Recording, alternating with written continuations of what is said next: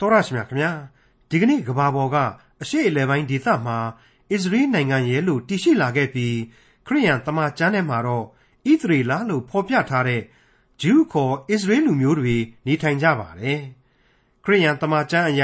အဲ့ဒီအစ္စရေးလူမျိုးတွေဟာထာဝရအရှင်မြတ်စွာဘုရားသခင်ရွေးကောက်တော်မူသောလူမျိုးဖြစ်ပါတယ်ဘုရားရှင်ရွေးကောက်တော်မူတဲ့လူမျိုးဖြစ်ပေမဲ့လို့ဒီကနေ့အစ္စရေးနိုင်ငံဟာရန်သူတွေဝိုင်းနေပါလားလို့ မေးစရာဖြစ်ပါတယ်။ဖျားရှင်ရွေးကောက်တော်မူတဲ့လူမျိုးဆိုရင်ဖျားရှင်ကမျက်နှာသာပေးရမှာပေါ့။အခုတော့အဲ့ဒီလိုမဟုတ်ဘဲဣသရေလလူမျိုးတွေဒီလိုဖြစ်နေရတာဟာဖျားဆိုတာမရှိလို့လားဒီမေးခွန်းရဲ့အဖြေကို တွေ့မြင်ရမှာဖြစ်တဲ့ခရိယန်တမန်ကျမ်းဓမ္မဟောင်းကျမ်းိုင်းတွေကအခု120မြောက်သောစာလံကျမ်းကိုဒီကနေ့တင်ပြရသောတမန်ကျမ်းအစီအစဉ်မှာလေ့လာမှာဖြစ်ပါတယ်။ဖျားရှိပါလျက်နဲ့မျက်နှာသာမပြေးတာလား အစ္စရေးလူမျိုးတွေဟာဖျားရှင်ကရွေးကောက်တဲ့လူမျိုးဆိုတာဟုတ်မှဟုတ်ပါရဲ့လားကုံကုံပြောရရင်သူတို့ကိုရွေးကောက်ပါတယ်ဆိုတဲ့ဖျားဆိုတာမရှိလို့လားဆိုတာတွေနဲ့အတူအခု120မြောက်သောဆာလံကျမ်းကိုဒေါက်တာထွန်းမြတ်ရေးကအခုလိုလေ့လာသုံးသပ်ရှင်းလင်းဖော်ပြมาဖြစ်ပါတယ်။သင်သိရသောသမာကျမ်းရဲ့သောတရှင်မိတ်ဆွေအပေါင်းတို့ခမညာ120ခုမြောက်သောဆာလံကိုအခုရောက်ရှိလာပါပြီ။အာဂန္တုဧည့်သည်မျှသာဖြစ်သော လောကလူသားတို့ရဲ့ပုံရိပ်အပေါင်းကိုဖော်ပြသောဆာလံလို့ဒီဆာလံကိုမိษွေတို့နဲ့ကျွန်တော်မိတ်ဆက်ပေးနှင်ခြင်းပါတယ်အခုဆာလံတီချင်းကစပြီးတော့134ခုမြောက်သောဆာလံလင်္ကာအထိဆာလံကျမ်းအပေါင်းတို့ဟာအဆင့်မြင့်တန်ဆုံတီချင်းများဖြစ်ကြတယ်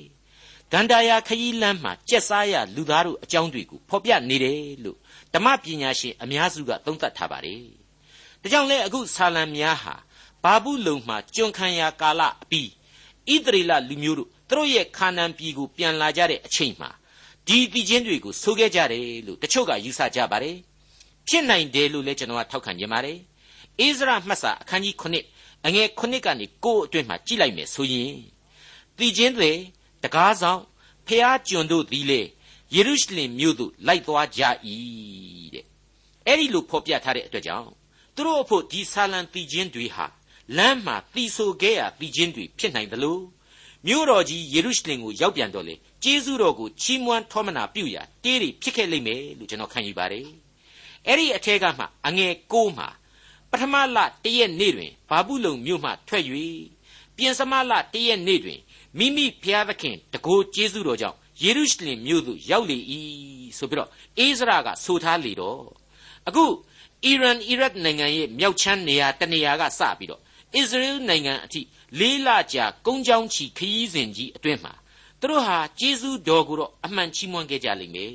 ။တန်လွင်တောကလေးတွေကိုရောက်တိုင်းဒါမှမဟုတ်ရင်လေ Oasis ကလေးတွေကိုရောက်လာတိုင်းအမှန်ဘုရားသခင်ရဲ့ဂုဏ်တော်ကိုချီးမွမ်းခဲ့ကြလိမ့်မယ်ဆိုတာအသေးချာပဲလို့ကျွန်တော်ခံယူပါတယ်။ဒါကိုလည်းထင်ရှားတဲ့မှတ်တမ်းမှတ်ရာများရှိပြီးတဲ့အတိုင်းပဲဟိုးရှေးအတိတ်မောရှေလက်ထက်မှာကလေးကကျွန်လူမျိုးဣသရေလဟာပြသခဲ့ပြီးပြီမဟုတ်ဘူးလား အဲဂုတ်ထုကကျွန်ဘဝကလွတ်မြောက်ချိန်မှာမောရှေရဲ့အမကြီးမိရိအန်ကဥဆောင်ပြီးတော့ဣသရေလတည်ခြင်းတွေအပေါင်းတွေဟာညီညာဖြပြတည်ခြင်းတွေဆိုခဲ့ကြတယ်ဆိုတဲ့ပုံနဲ့နှိုင်းရှင်ပြီးတော့ကျွန်တော်အဖြေထုတ်ယူလို့ရနိုင်ပါတယ်ဒါရင်မကသေးပါဘူးဣသရေလလူမျိုးတော်တဲကအမျိုးသားတွေဟာပြည့်ညတ်တော်ကာလဥပရိများစွာတွေကတခုအနေနဲ့ နှစ်တိုင်းအစဉ်ဆိုသလိုယေရုရှလင်မြို့တော်ကိုပွဲတော်ကြီး၃ကြိမ်မပြတ်မကွက်တက်ရောက်ရမယ်ဆိုပြီးတော့ရှေးဦးကျမ်းတွေမှာဘုရားသခင်မှာကြားထားတာရှိပါသေးတယ်အမျိုးသားအပေါင်းတို့ဟာဒီခရီးကိုလာမယ်ဆိုရင်မိသားစုတွေကိုလည်းခေါ်လာမြဲရှိကြလိမ့်မယ်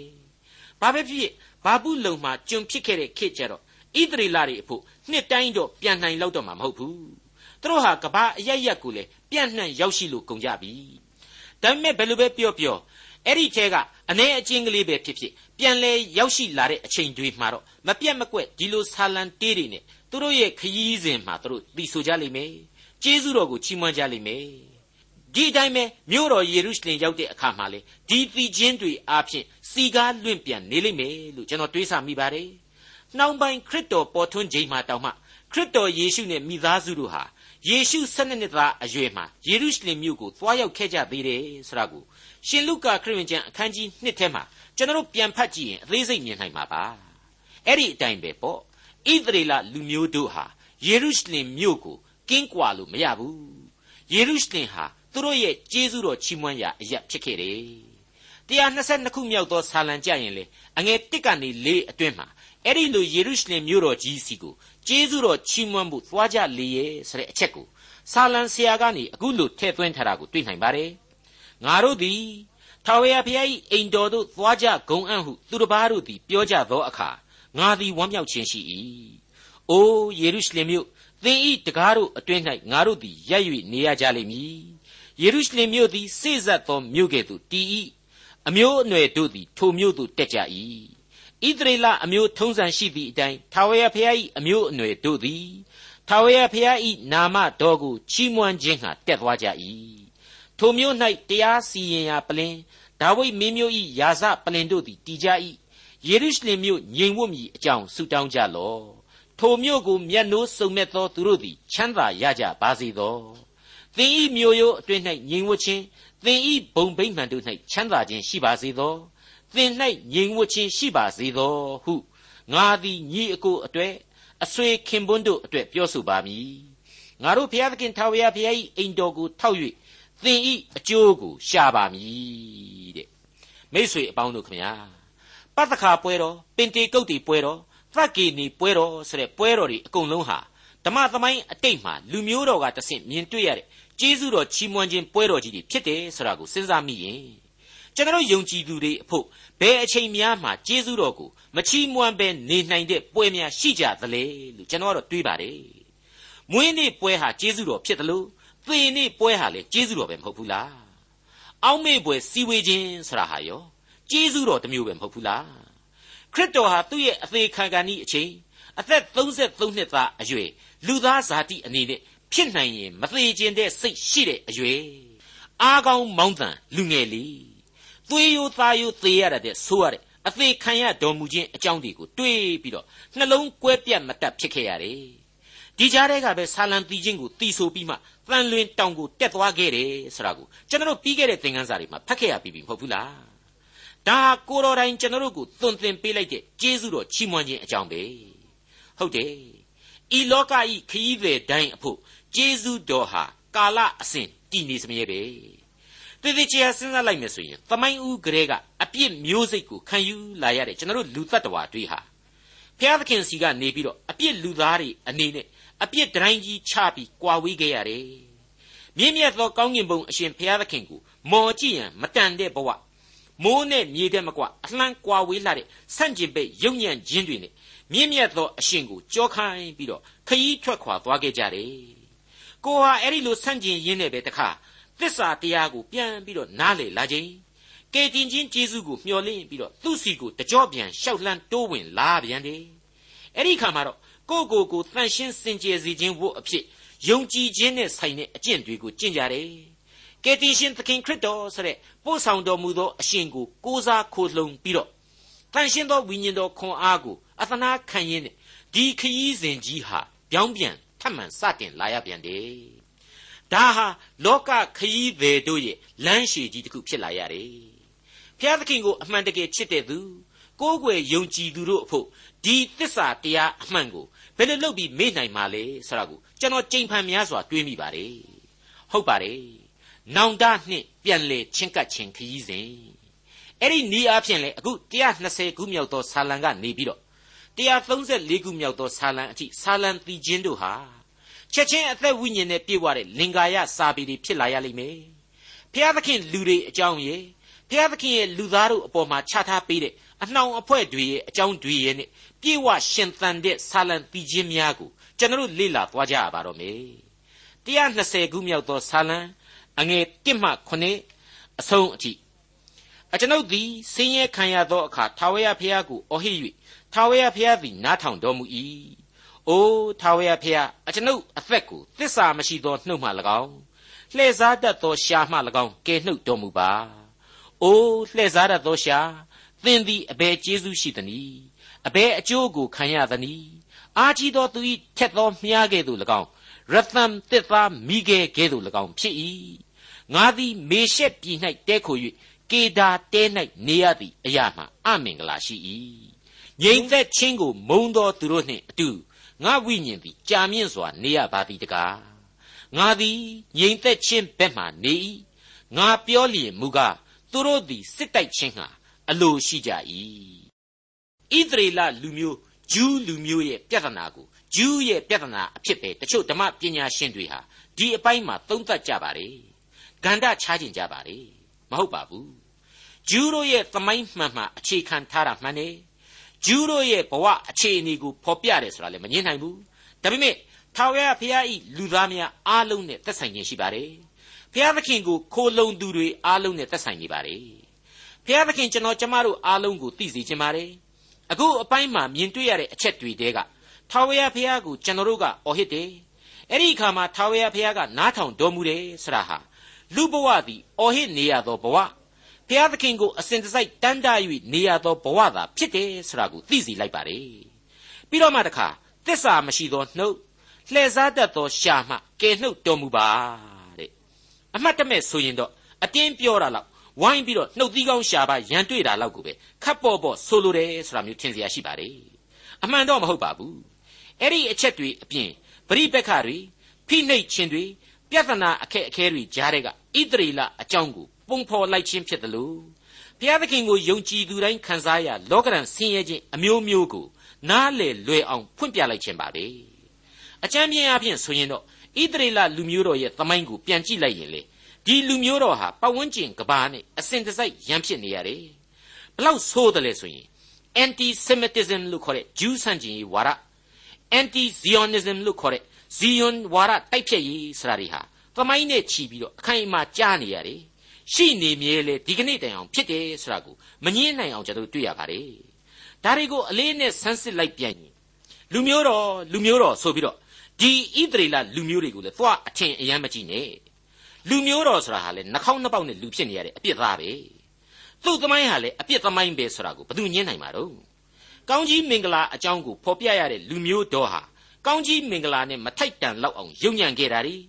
မှားယွင်းခဲ့တာ ड़ी အပြစ်တွေကျူးလွန်ခဲ့တာတွေကိုအောချလောက်အောင်သမိုင်းတစ်လျှောက်မှာတွေ့ရမှာဖြစ်ပါလေကျွန်တော်ရဲ့သင်သိရသောတမန်ကျန်သင်ခန်းစာအဆက်ဆက်မှာလေဒါကိုရှင်းရှင်းလေးဖော်ပြခဲ့ပြီးဖြစ်ပါလေအဲ့ဒီတော့ကိုဟာရွေးကောက်တော်မူသောလူမျိုး ဘုရားသခင်ရဲ့သားသမီးများဖြစ်တယ်လို့ခံယူလိုသူတို့ဟာသစ္စာမရှိသောနှုတ်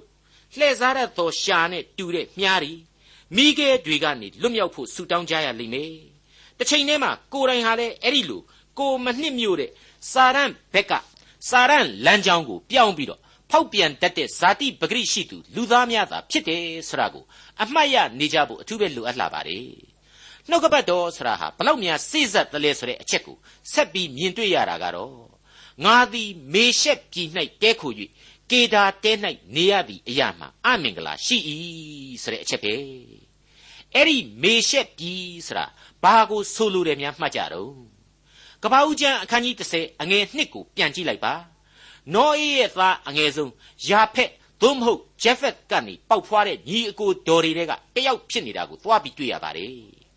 ရေလွှမ်းမိုးသောနောက်နောအေးဤသားရှေမဟာမယာဖက်တို့မှဆင်းသက်သောသားစဉ်မြေးဆက်ကိုဆိုပေအံ့ယာဖက်ဤသားကဂေါမာမာဂောရမာဒေယာဝွန်တုပလမေရှက်ထိရဒီဆိုပြီးတော့အဲ့ဒီကဘာဥကျမ်းမှာအခိုင်အမာဖော်ပြထားပါတယ်ဒီကနေ့ဒီကဘာမှာဆိုရင်အဲ့ဒီနောအေးရဲ့သားကြီး၃ယောက်ဖြစ်တဲ့ရှေမရဲ့ဟာမရဲ့ယာဖက်ရဲ့အမျိုးတွေရဲ့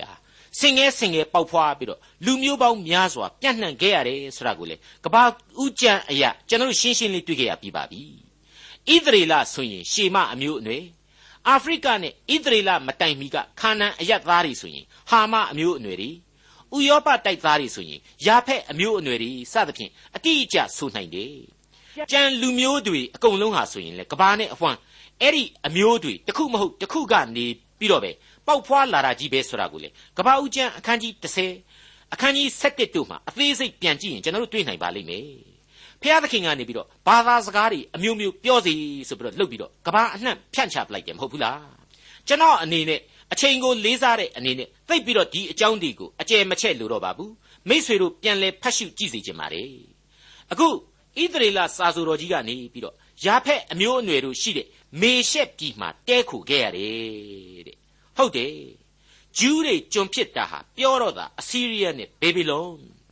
နောက်ပြီးတော့ယောမနဲ့တူရကီစသည်စသဖြင့်နိုင်ငံလက်တဆုပ်စာကသာနာမည်ကြီးနေတာသူတို့အမှန်တကယ်ပြန့်နှံ့သွားတာဟာအဲ့ဒီခေတ်ဥရောပကစပြီးတကဘာလုံးပဲတရုတ်ပြည်ကိုရောက်တယ်အိန္ဒိယကိုရောက်တယ်ဗမာပြည်ကိုတောင်မှရောက်လာလို့ဂျူးကပြားတွေတချို့ရှိတာကြားဘူးကြားလိမ့်မယ်လို့ကျွန်တော်ထင်ပါတယ်တရုတ်ပြည်မှာဆိုရင်လေတရုတ်ဂျူးမိသားစုတွေရှိလို့ သူတို့အကြောင်းကိုကဘာကျော်စာရေးဆရာမကြီး Pearl S. Bark ဆိုတဲ့အမျိုးသမီးကြီးကရေးခဲ့တဲ့ The Good Earth ဆိုတဲ့စာအုပ်ကြီးထဲမှာကျွန်တော်ဖတ်ဖူးတယ်အဲ့ဒီရေဖမျိုးဆက်မေရှဲဆိုတဲ့အမျိုးကြတော့သိတ်သွေးကဝေလွန်သွားပြီအဲ့ဒါကြောင့်မို့လို့ဒဇိမ့်တယံဇံများအဖြစ်ဆာလံဆရာဟာတဲခို၍ဆိုပြီးတော့သုံးလိုက်တယ်ဟောကေဒါတဲ၌နေရသည်ဆိုပြီးတော့ကေဒါတို့တဲမှာကြတော့တဲခိုခြင်းလို့မသုံးတော့ဘူး နေရခြင်းဆိုပြီးတော့ပြောင်းလဲသုံးဆွဲသွားပြီမထုဆန်းဘူးလားမထုဆန်းဘူးအဲ့ဒီကေဒါဆိုတာဟာဣသရေလရဲ့ဆွေမျိုးတော်သူတွေဒီကနေ့လက်ထိအုံတိုင်းအုံတိုင်းနဲ့ရံဖြစ်နေရတဲ့မတဲ့အတူနေဖြစ်နေရတော့ဆွေမျိုးတော်အာရဗ်တွေပဲဟုတ်တယ်ဣသရေလဆိုတာဟာအာဗြဟံဆိုတဲ့လူကြီးကနေဘုရားသခင်ဂရိတော်နဲ့မွေးဖွားတဲ့သားဣဇက်ကဆင်းသက်တယ်ကေဒါဆိုတာဟာအာဗြဟံရဲ့ အီဂျစ်ကျွန်မမယားအငယ်ဟာဂရဆိုတာကနေမွေးလာတဲ့ဣရှမီလကနေဆင်းသက်ခြင်းဖြစ်တယ်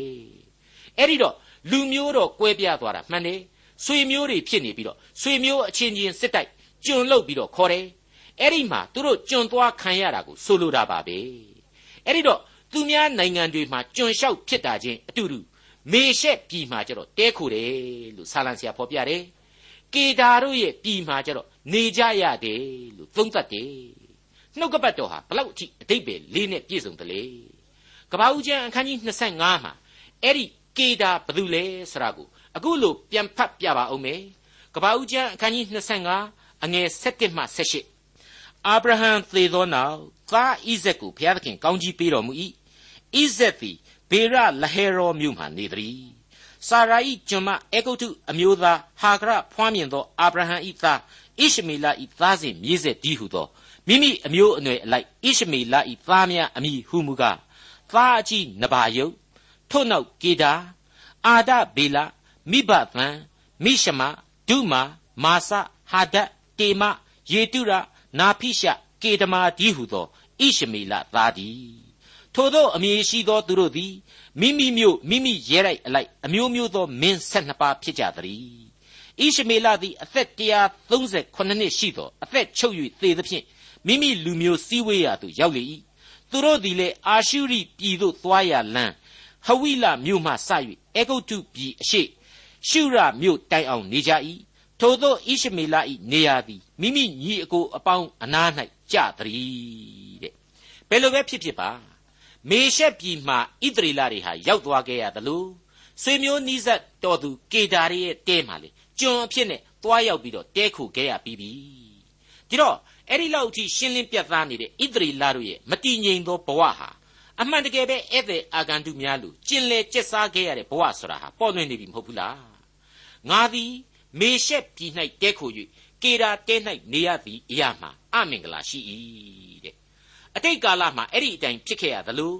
မဝေးသေးသောသမိုင်းကိုပြန်ကြည့်ရင်လေဖြစ်ရသေးပဲရှိခဲ့တယ်ဆိုတာကိုဘယ်သူမှမငြင်းနိုင်ပါဘူး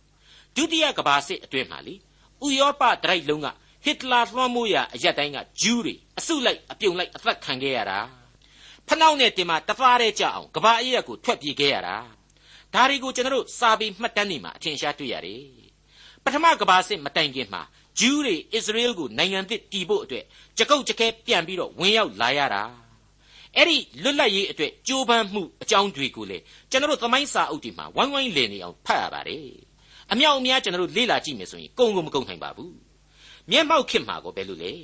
ဣသရေလရဲ့အခြေအနေဟာကောင်းပြီလားလို့ဆိုရင်ဒီကနေ့ထုတ်ဝေတဲ့သတင်းစာတွေနဲ့ TV သတင်းတွေရေဒီယိုသတင်းတွေနဲ့သာရှင်တွဲစဉ်းစားကြည့်ကြပြီတော့လို့ကျွန်တော်အဖြေပေးခြင်းပါတယ်ကျွန်တော်ရဲ့ပုံကိုယ်ရေးသဘောထားကိုကျွန်တော်ဒီနေရာမှာမပြောပြရစီနဲ့မိษွေအပေါင်းတို့မလွတ်တမ်းကင်ဆွဲထားရမယ့်အချက်ကတော့အဲ့ဒီလောက်အထိတိကျပြတ်သားတဲ့ဂျူးရဲ့သမိုင်းကိုအခုဆာလံတီချင်းဟာ ရှင်းရှင်းကလေးပဲဖော်ပြနေတာဟာဂျူးအတွက်ကြည့်မဟုတ်ဘူးဘုရားသခင်ကိုယုံကြည်သူတိုင်းအတွက်ပါတယ်လူသားတို့ရဲ့အပြစ်သံတရားကနေဘုရားသခင်ပေးသနာတော်မူရာကယ်တင်ခြင်းကျေးဇူးတော်ကိုခံစားလိုသူတိုင်းအတွက်အလွန်ကောင်းမွန်တဲ့သင်ခန်းစာတွေပါဝင်တယ်။အာဗြဟံဆိုတဲ့လူကြီးဟာဣသရေလလူမျိုးမဟုတ်တဲ့ခါလဒဲဒေသသားဖြစ်တယ်။အခုခေတ်စီးရီးယားမြောက်ပိုင်းက Euphrates တို့ Tigris တို့ရဲ့ယဉ်ကျေးမှုအလွန်ထွန်းကားခဲ့တဲ့မြစ်ဝှမ်းဒေသကဖြစ်ခဲ့ပါတယ်ဒါပေမဲ့အဲ့ဒီဒေသကနေပြီးတော့ဘုရားသခင်ဟာသူ့ကိုထုတ်ဆောင်ပြီးတော့ခါနန်ဆိုတဲ့မျက်မှောက်ခေဣသရေလနိုင်ငံမှာနေရာချထားပေးခဲ့ပြီးတော့သူ့ရဲ့မြေးတော်သူယာကုပ်ကမှစပြီးတော့ဣသရေလဆိုတဲ့အမည်နဲ့လူမျိုးတော်ကိုဖြစ်ပွားစေခဲ့တယ်ဆိုတာကိုကျွန်တော်တို့ဘယ်လို့မှမေ့လို့မရနိုင်ပါဘူးပို့ပြီးတော့မမေ့သင့်တာကတော့ဣသရေလလူမျိုးတော်ကိုရွေးကောက်တော်မူသောလူမျိုးတော်ဆိုပြီးတော့သီးသန့်ဗျာဒိတ်တွေ ပရိညင်တွေချထားပေးခဲ့သလိုဖန်ဆင်းတော်မူသောလောကလူသားများအလုံးအတွက်လည်းပဲအာဗြဟံကနေတဆင့်ပဲအလွန်အရေးကြီးတဲ့ပရိညင်သစ်များချထားပေးခဲ့သေးတယ်ဆိုတဲ့အချက်ဖြစ်ပါတယ်ကပ္ပဦးကျမ်းအခန်းကြီး7အငယ်1ကနေ3အတွင်းမှာပါဝင်တဲ့အချက်တွေကိုပြန်လဲအမှတ်ရစေဖို့ကျွန်တော်ဖတ်ပြပါရစေအောင်ထာဝရဘုရားသည်လေအာဗြဟံကိုခေါ်တော်မူ၍သင်ဤပြည်နှင့်တကွအမျိုးသားချင်းပေါက်ဖော်များတဲ့ကထွက်ပြီးလျင်ငါပြလက်တန်သောပြည်သို့သွားလော့ ငါသည်သင်ကိုလူမျိုးကြီးဖြစ်စေမည်ငါကောင်းကြီးပေး၍သင်ဤနာမကိုကြီးမြတ်စေမည်သင်သည်ကောင်းကြီးခံရသောသူဖြစ်လိမ့်မည်သင်ကိုကောင်းကြီးပေးသောသူကိုငါကောင်းကြီးပေးမည်သင်ကိုကျိန်ဆဲသောသူကိုငါကျိန်ဆဲမည်သင်အားဖြင့်လေလူမျိုးအပေါင်းတို့သည်ကောင်းကြီးမင်္ဂလာကိုခံရကြလိမ့်မည်ဟုမိန့်တော်မူ၏တဲ့မရှင်းဘူးလားဒီတော့အခြေခံအားဖြင့်ဣသရေလလူမျိုးတော်အတွက်ချမှတ်သောဗျာဒိတ်တော်တို့သည် ယုံကြည်သူလူသားတိုင်းနဲ့သက်ဆိုင်ခြင်းရှိ၍ဘုရားသခင်သည်လူမျိုးတော်ကိုအသုံးပြုလျက်လူသားတိုင်းကိုကယ်တင်ခြင်းကျေးဇူးပြုရန်သူဖန်ဆင်းတော်မူသောလူရွာတစ်ခုလုံးကိုကောင်းကြီးမင်္ဂလာနဲ့ထုံမွန်းတော်မူရန်ဣသရေလမပေါ်မီကဘာဥကလေးကပင်မိန့်ကြားခဲ့ပြီးဖြစ်သည်ဆိုတဲ့ပရမတ္တသစ္စာတရားဟာထင်ရှားနေပြီပို့ပြီးတော့အရေးကြီးတဲ့အချက်ကတော့ကျွန်တော်အထက်တုန်းကဖော်ပြခဲ့တဲ့အတိုင်းလူမျိုးတော်ဆိုလို့သိတော့အထင်မကြီးနဲ့ နှာခေါင်းသုံးပေါက်မရှိဘူးတခြားလူတွေကလူတွေလိုပဲနှာခေါင်းနှစ်ပေါက်နဲ့ပဲအသက်ရှင်နေကြရတာအဲ့ဒီဇာတိပဂရိလူသားပြီးပြီးအမှားပေါင်းတစ်ထောင်မကကျူးလွန်ခဲ့တဲ့လူမျိုးတော်ရဲ့ဖြစ်ရစုံလင်ဟာကျွန်တော်လူသားတိုင်းနဲ့လေအလိုအလျောက်ဆက်ဆက်မနေဘူးလားဆက်ဆက်နေတယ်သူ့အားဖြင့်ဘုရားသခင်လူသားတို့ကိုသင်ပေးတဲ့အချက်တွေဟာယုံကြည်ခြင်းသမိုင်းတစ်လျှောက်လုံးကယုံကြည်သူတိုင်းအတွက်အရေးမကြီးတာရဲ့လို့တစ်ချက်မှမရှိဘူးလို့ကျွန်တော်အလေးအနက်တင်ပြလိုက်ပါတယ် ငြိမ်သက်ခြင်းကိုမုံသောသူတို့နှင့်အတူငါဝိညာဉ်သည်ကြာမြင့်စွာနေရပါသည်တကားငါသည်ငြိမ်သက်ခြင်းဘက်မှနေ၏ငါပြောလျင်မူကားသူတို့သည်စစ်တိုက်ခြင်းဟာအလိုရှိကြ၏အကြီးအကျယ်သင်ခန်းစာရယူရမယ်ကြမ်းပိုက်ပါဓမ္မသမိုင်းကပ္ပသမိုင်းနဲ့အကြီးအကျယ်ဓာတ်ရိုက်ထိချက်မှန်နေတယ်ဆိုတာရှင်းရှင်းကြီးပဲမြင်ရတယ်ကွက်တိကြနေတယ်လို့ပဲကျွန်တော်တော့ပြက်ပြက်သားသားတင်ပြခြင်းနေဣသရေလဟာငြိမ်သက်ခြင်းရဲ့ဘက်မှာနေ၏ဆရာဟာ ရေပုံရအားဖြင့်အမှန်ပဲသူ့ရဲ့ပတ်ဝန်းကျင်ဟာလေသူ့ကိုစစ်တိုက်ဖို့အမြဲတမ်းတကယ်ကယ်လုပ်နေခဲ့တယ်ဆိုတာဟာလေသမိုင်းတစ်လျှောက်မှာအမှန်ပဲဟုတ်တယ်ငြိမ်သက်ခြင်းကိုသူတို့ကမျက်နှိုးတတ်လွန်းလို့ငြိမ်သက်ခြင်းရဲ့ဘက်တော်သားများမဟုတ်ကြသလိုလူသူတော်ကောင်းကြီးတွေမှုလေငြိမ်သက်ခြင်းကိုတောင့်တတာမဟုတ်ဘူးငြိမ်သက်ခြင်းအရှင်ကိုကိုးကွယ်တဲ့အတွက်ကြောင့်သာလျှင်ဖြစ်တယ်ဒါပေမဲ့ဒီတဲ့ပို့ပြီးတော့မှန်ကန်တဲ့အချက်ကတော့ ငြိမ်သက်ခြင်းဤအရှင်ဤစောင့်ထိန်တော်မူခြင်းကိုခံယူရလို့သာလျှင်ငြိမ်သက်ခြင်းဤဘက်မှနေရာကျခဲ့ခြင်းဖြစ်တယ်လို့ကျွန်တော်ဣသရေလလူမျိုးနဲ့ပတ်သက်ပြီးတော့ဖော်ပြသတ်မှတ်ရမှာဖြစ်တယ်အမြဲတမ်းဒီအချက်ဟာရောမှန်ကန်ခဲ့ပါသလားမမှန်ကန်ပါဘူးငြိမ်သက်ခြင်းရဲ့အရှင်ကိုတော်လှန်ခဲ့တာ ड़ी အပြည့်ရိတ်ကိုပြောင်းလဲကူးသန်းခဲ့တာ ड़ी နတ်သမားတွေနဲ့ရိမ့်ရွယ်ပါဖြစ်ခဲ့တာ ड़ी အဲ့ဒီအချိန်မှာတော့ငြိမ်သက်ခြင်းချက်ချင်းကွယ်ပြောက်ပြီးတော့ ကျွန်ဖြစ်ရတယ်နွန်နေရတယ်တိုင်းပြည်လည်းပျောက်ကွယ်ခဲ့ရတယ်မေရှက်ပြည်၌တဲခိုရခြင်းကေရာတဲ၌နေရခြင်းတို့အဖြစ်အမင်္ဂလာများစွာကိုသူတို့ခံစားခဲ့ရပါတယ်အဲ့ဒီအခါမှာကျတော့အာကြီးသောသူဤထက်သောမြားတို့ကိုသူတို့ရင်ဆိုင်ခဲ့ကြရတယ်ရသမ်တစ်သားမိခဲများနဲ့လေသူတို့ဆက်လက်ရင်ဆိုင်တွေ့ကြုံခဲ့ရပါတော့တယ်မိษွေတော်တတ်ရှင်အပေါင်းတို့ခမညာ120ခုမြောက်သောဆာလံတီချင်းဟာဖြင့် ဣသရေလခေါ်ရွေးကောက်တော်မူသောလူမျိုးတော်တို့ရဲ့သမိုင်းဖြစ်ရမှန်တို့မှာအခြေခံပါတယ်ဒါကိုကျွန်တော်တို့မငြင်းပါဘူးသူတို့ရဲ့ဒီသမိုင်းဝင်အတွေ့အကြုံများမှသည်ဘုရားသခင်ကိုယုံကြည်သူလူသားများအားလုံးအကိုအကာပြုเสียဘဝသင်ခန်းစာများကိုလည်းဆက်လက်ဆောင်ကျဉ်လာပါတယ်ဟုတ်ပါတယ်လူသားအားလုံးတို့ရဲ့အသက်တာဟာဆင်းရဲခံရတတ်တဲ့အသက်တာဘုရားသခင်ကိုတန်တရတတ်သောအသက်တာမျိုးသာဖြစ်ပါတယ်စာရမဏတ်နဲ့အပြစ်လောကဟာ ဒီလူသားကိုအစဉ်တစိုက်အမြဲသွေးဆောင်ဖျားယောင်းပြီးတော့ဘုရားသခင်နဲ့မဝေဝေးအောင်အပြက်လန်းအရက်စီးကိုဆွဲဆောင်ခေါ်ယူသွားတတ်ပါတယ်အကျွင့်မဲ့ပျက်စီးသူတွေရှိကြသလိုတစ်ချိန်တစ်ခါမှဘုရားသခင်ကိုယုံကြည်သူတို့ဟာကိုယ့်ရဲ့ဘဝအားနည်းချက်တို့ကိုပြန်လည်သိမြင်လာချိန်မှာဘုရားသခင်စီကိုကြိုးပဲ့ကြေမွသောစိတ်နှလုံးနဲ့ပြန်လာတတ်ကြတယ်အဲ့ဒီနေ့အဖြစ်လူတ attva တိုင်းတို့ဟာဤလောကဤလောကရန်ခရီးသည်များအဖြစ် ဘုရားသခင်စီကနေဝေးကွာလှမ်းရာကိုထွက်ခွာတတ်ကြသလိုပျောက်သောလမ်းမှာပဲအကျွင့်မဲ့ပျက်စီးရတဲ့လူတွေအမြောက်အများရှိကြတယ်။ထာဝရအသက်လမ်းပေါ်ကိုပြန်လေရောက်ရှိလာကြသူတွေလည်းအမြောက်အများရှိကြတယ်။ဒီအဖွဲ့နှစ်ခုတည်းမှာကိုဘယ်အဖွဲ့မှာပါဝင်ကြခြင်းတလေဆရာကိုကိုကိုကိုသာလျှင်ကျွန်တော်တို့မေးခွန်းထုတ်ဖို့ရှိပါတယ်။120ခုမြောက်သောဆာလံကိုစတ်ဆိုတဲ့အချိန်မှဒီဆာလံဆရာကြီးဟာသူမသိသေးနိုင်တဲ့ နောက်နှစ်ပေါင်း800လောက်ကအကြောင်းတွေကိုကြိုပြီးတော့သိနေတာကြားနေတာပဲအဲ့ဒီအချိန်လောက်မှာငြိမ်သက်ခြင်းရဲ့အရှင်ကိုမေ့လျော့ပြီးတော့နတ်ဖျားတွေကိုကိုးကွယ်သိုးသွမ်းခြင်းတိုင်းသိုးသွမ်းပျက်စီးခြင်းတိုင်းပျက်စီးခဲ့တဲ့လူမျိုးတော်ဟာအာရှုရိနိုင်ငံဘာဘူးလုံနိုင်ငံတို့ကိုကျွန်အဖြစ်ရောက်ရှိခဲ့ရသလိုနှောင်းကာလသမိုင်းတလျှောက်မှာလေစီးရီးယားယောမစတဲ့အာနာရှင်တို့ရဲ့တိုက်ခိုက်မှုနဲ့ခါသီးလွန်းလာတဲ့လောကရန်တွေကိုခံရလိမ့်မယ်။ ဒါပေမဲ့ဘုရားသခင်ကိုပြန်လဲအသနာခံယုံကြည်ကိုးကွယ်ခြင်းနဲ့အတူအဲ့ဒီလောင်ရိပ်အသီးသီးအောက်ကနေပြန်လဲလွတ်မြောက်ခွင့်နဲ့တကွာ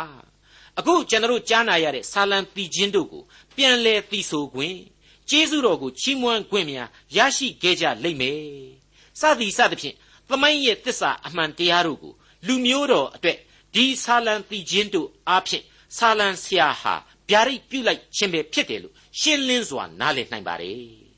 အသက်ရှင်တော်မူသောနှုတ်ကပတ်တော်ရဲ့လမ်းပြမိတိုင်ပမာတောက်ပနေတဲ့သင်ခန်းစာအပေါင်းတို့ကိုခံယူပြီးတဲ့နောက်